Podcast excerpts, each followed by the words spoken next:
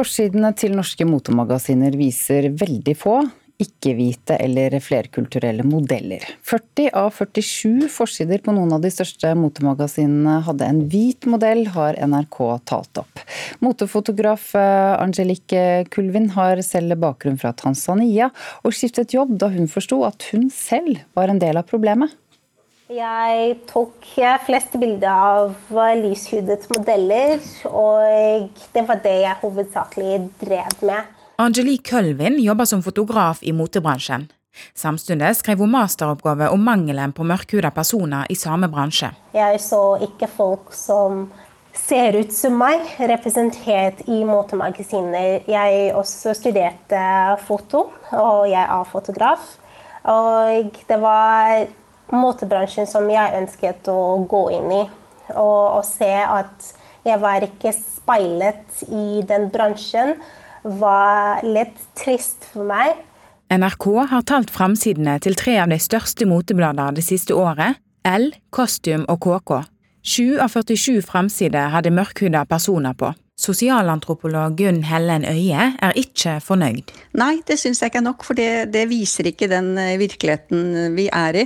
Og, og, det jeg er veldig spent på nå, er etter eh, det som har skjedd i, USA, og, og, fokus på hvem vi er eh, via hudfarge, hva som vil skje. Og jeg håper ikke, ikke det blir bare sånt lite bløff på ett eh, magasin, men at vi nå går inn i en ny varig trend som viser mye mer eller realistisk den verden vi lever i. Som motefotograf måtte Kølvin rette seg etter marknaden, som hun opplevde romma mest lyshuda modeller. Samtidig var hun forkjemper for mangfold, og møtte dermed seg sjøl i døra. Det var veldig vanskelig egentlig å se på innsiden og så ser at jeg er en del av problemet fordi jeg bare forstørrer det litt mer. Og jeg gjør ikke det jeg ønsket KK hadde to av 22 framsider siden juli i fjor med mørkhuda personer. Ansvarlig redaktør Ingeborg Heldal sier i en e-post til NRK at dette ikke er godt nok, men at mangfold er noe av det viktigste for deg. Kølvin, som ville endre motebransjen, skifter jobb og har i dag fotoyrket som jobb på sida. Slik har hun større fridom til å fotografere hvem hun vil. Hun er glad det har endret seg siden hun leverte masteroppgaven sin i 2017. Da var det kun én forside med modeller av minoritetsbakgrunn som var avbildet i det tilfeldige utvalget mitt. Så det gjør meg glad. Men jeg bare syns at vi kan gjøre det litt mer flytende. At vi må skape et miljø som gjør at dette her er et naturlig visuelt språk som vi ser i motemagasiner og overalt. Du kan lese mer om Angelique på nettsidene våre nrk.no. Kostym sier de etterstreber å speile samfunnet, mens L mener de er gode på mangfold, men at de likevel prøver å bli enda bedre. Reporter var Ida Yasin Andersen. Ragnhild Brochmann, kultur- og motehistoriker, spaltist i Morgenbladet. God morgen. God morgen. Hvilke tanker gjør du deg etter å ha hørt denne reportasjen? Nei, for det første er jeg jo veldig glad for at noen løfter opp dette. Det var på tide. Og så er jeg dessverre ikke så overrasket. Det var på tide, men det har vært gjort før. Og så viser det seg at, ja, for å ta ett eksempel, da KK hadde to av 22 forsider med ikke-hvit modell. Hva skal til hvis det skal endre seg, tror du? Nei, altså Hvis vi snakker om eh, Norge, som er et veldig lite, et veldig lite motesystem og en liten og sårbar bransje fortsatt, så må man tenke seg at eh, noe av det viktigste vi kan gjøre, det er jo å å løfte frem mote som et viktig og kulturbærende og kulturutfordrende felt. Og for at det skal skje, så må vi ha en mote som selv forstår både mediebransjen og de utøvende, og en mediebransje rundt som mener at feltet er verdig en kritisk, eh, god samtale om hva det er man lager og hvorfor man gjør det. Og uten den kritiske diskusjonen så kan man jo seile litt sin egen sjø på siden og mene at man eh, holder på med en side, sidekulturgren, istedenfor å være del av den store samtalen. Og sånn, eh, hvis du spør meg, og mange andre tror jeg, så så føler vi nok at, eh, at det har vært litt tilfelle i Norge. Eh, og det er jo der de store holdningsendringene er nødt til å starte for at de skal føle at eh, hvem de putter på forsiden og intervjuer på innsiden, det skal ikke bare svare til en trend fordi nå er det Black Lives Matter og det er viktig, men de må speile den store trenden, som er at det hvite hegemoniet jo endelig løftes fram på agendaen, og er en diskusjon man tar. Dette må man gjøre noe med og snakke om og løfte. Men skal, det, skal et moteblad som du kjøper på en kiosk i Norge speile den norske virkeligheten og den norske befolkningen, eller eh, verdens motebilde og hvem som bor i New York og Chicago eller Tanzania for den saks skyld? Nei, Der er det jo ikke et enten-eller, da, så klart. Her er det jo selvfølgelig eh, et lite land som Norge som sitter i det store verdenssamfunnet, og moten har alltid vært eh, alt fra silkehandel til eh, vare, alt jeg å si, bytte. Det har alltid vært en ekstremt global handel og et globalt stort system. Så det å sette opp et slags sånn nasjonalt mot den store verden og her hjemme og der borte, det er på en måte et helt kunstig premiss. Så vi hører med i den store verdenssamtalen, og en franchise som L f.eks., de sitter jo og, og, plukker ut innhold fra en stor portefølje som har å gjøre med produksjon som skjer i utlandet. Så vi er ikke et bitte lite annerledes eh, land, takk og lov. Vi sitter og snakker med en stor samtalen, eller det vil si vi bør det. Vi plikter å gjøre det. Og vi plikter å vise at vi skjønner at vi må gjøre det. Men når vi ser bilder av fotomodeller på forsider av moteblader, så er det kanskje litt idealistisk å, å, tro at det skal speile meg alltid. Uansett, så snakker vi ikke bare hudfarge. Er det eh, et element av idealisme å tro at modellverdenen skal speile hvordan vi andre lever og ser ut? Altså, det er jo idealistisk, selvfølgelig, men eh, det er også mye realisme i at endelig altså det vil si De siste fem årene så har jo motebransjen endelig skjønt at eh, det mest moteriktige man kan gjøre, det er jo å, å speile en, et samfunn som ikke bare har vært, eh, hatt en ny, veldig sterk bølge av feminisme, f.eks., men også en bølge rundt kroppsmangfold, aldersmangfold og multikulturalisme. Så hvis du ikke er med og tar den samtalen, om du sitter i Norge eller midt på det råeste kontoret i New York, ja, da er du rett og slett to skritt etter, og det er det eneste, eller det store motebransjen på ingen måte kan være. Så hvis du vil være med å være mote, da må du vise at du reflekterer den store verdensomtalen. Enkelt og greit. redaktørene som ble sitert i reportasjen sier at de bryr seg om mangfold, eh, og likevel så er det dette de presterer. Ja, det tror jeg har med å gjøre med at altså, de mener helt sikkert godt, og det kan godt være at de har gode diskusjoner i sin redaksjon, men de plikter å vise at de er interessert i dette, og at de har ikke sant, De har ikke bare en speilende funksjon, de har jo en holdningsskapende, potensielt holdningsendrende funksjon. Men min erfaring med norske moteblader er at de er mer opptatt av å si at de eh, ser problematikken, enn å aktivt være med å, å skape en debatt og en god samtale om det ved å ha utfordrende forsider. Du virker jo ikke særlig optimistisk på at motebladene i dag speiler det som er verdenssamtalen, som du kaller det. Hva mener du speiler best det som er verdenssamtalen når det gjelder nettopp hvordan vi kler oss og, og hva som er moderne?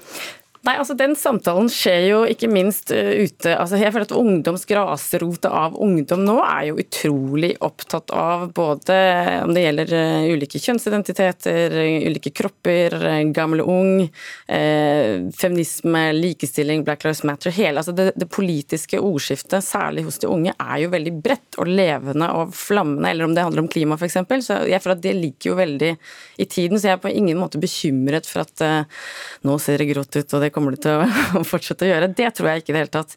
Men jeg tror at eh, i et norsk system så er det, det, er, det er så få stemmer, og det er en bransje som har budsjettkutt, og det er, det er krevende. Det er lite penger der også.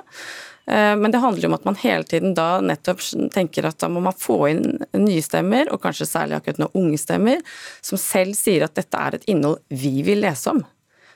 Stemmer og bilder. Og, og modeller. Takk skal du ha, kultur- og motehistoriker Ragnhild Brochmann, ikke minst spaltist i Morgenbladet, hvor du kan leses hver uke.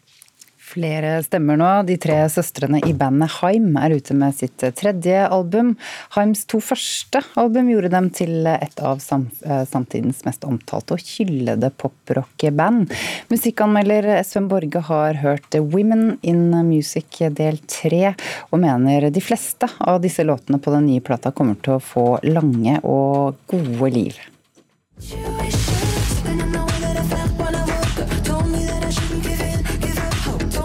Søstrene Danielle, Este og Alana har de siste årene vært mye omtalt for bandet oppkalt etter deres eget etternavn, Heim. Kombinasjonen av eksentriske liveopptredener og 70-tallsinspirerte softrock-plater har gitt dem en plass i spillelistene til både kritikere og fans verden over.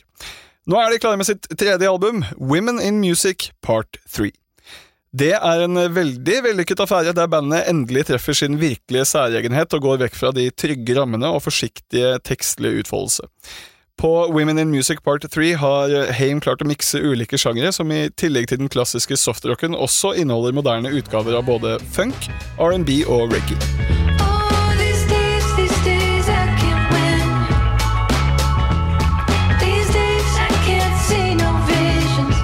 Den rocksteady-aktige åpningslåta Los Angeles blir vi også møtt av en deprimert Danielle Haim som reflekterer rundt både sykdommen og hjembyen på en glimrende måte, og selv om enkelte låter fortsatt bærer litt preg av det man kan kalle en radiovennlighet, så er det i all hovedsak de drøyere tekstene og det sløyere musikalske uttrykket som fanger oppmerksomheten.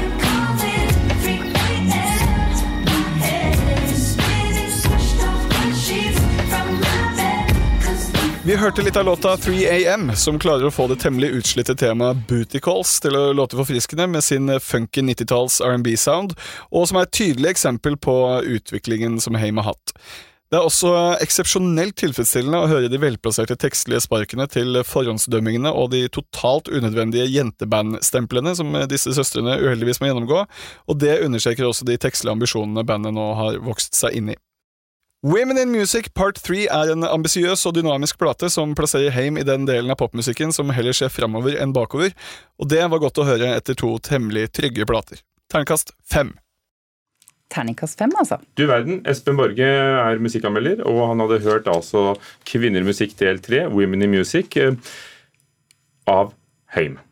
Mere og flere anmeldelser finner du på nrk.no anmeldelser.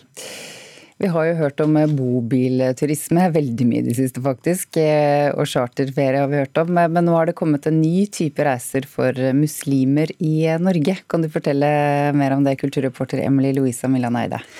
Ja, selskapet Norway Halal Tours tilbyr muslimske turister ferie i Norge med en islamsk vri. Det skriver Vårt Land i dag. Eh, Allah har velsigna Norge med sin fantastiske natur, står det på hjemmesida til selskapet, som tilbyr pakkreiser med fjord, fjell og halalmat. På Facebook reklamerer de bl.a. med dette. Stryn er en av de vakreste stedene i Norge. De har en enestående natur som gjør at besøkende priser Allahs skjønnhet. Har vi sett eh, lignende tilbud i Norge før?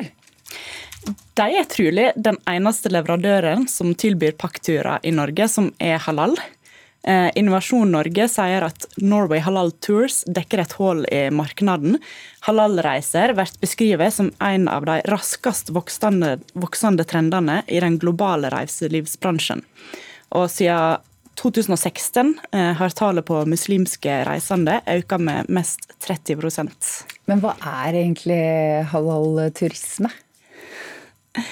Jo, eh, globalt så betyr det at de nytter seg av hotell og fly som ikke serverer alkohol, kjønnsdelte svømmebasseng, eh, menyer uten svinekjøtt og tilrettelegging for bønn.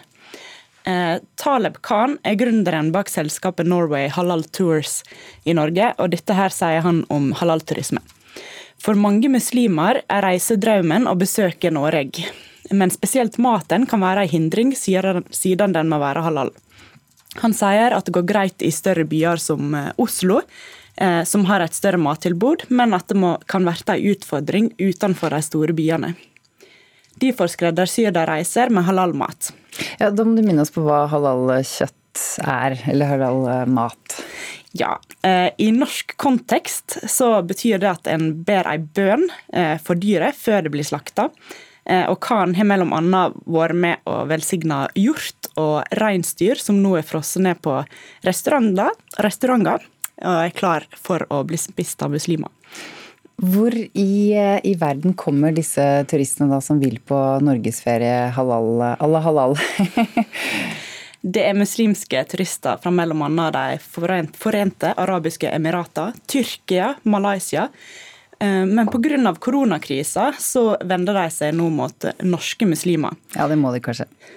Og kan si at selv om veldig mange norske muslimer har bodd her i 30-40 år, så er det veldig mange som ikke har reist nord for Hamar. Eh, Så nå eh, skal de da få muligheter til å annet reise til Oslo, Stryn, Geiranger, Voss, Odda, Bergen og Nygardsbreen. Takk, kulturreporter Emily Louisa Millan Eide.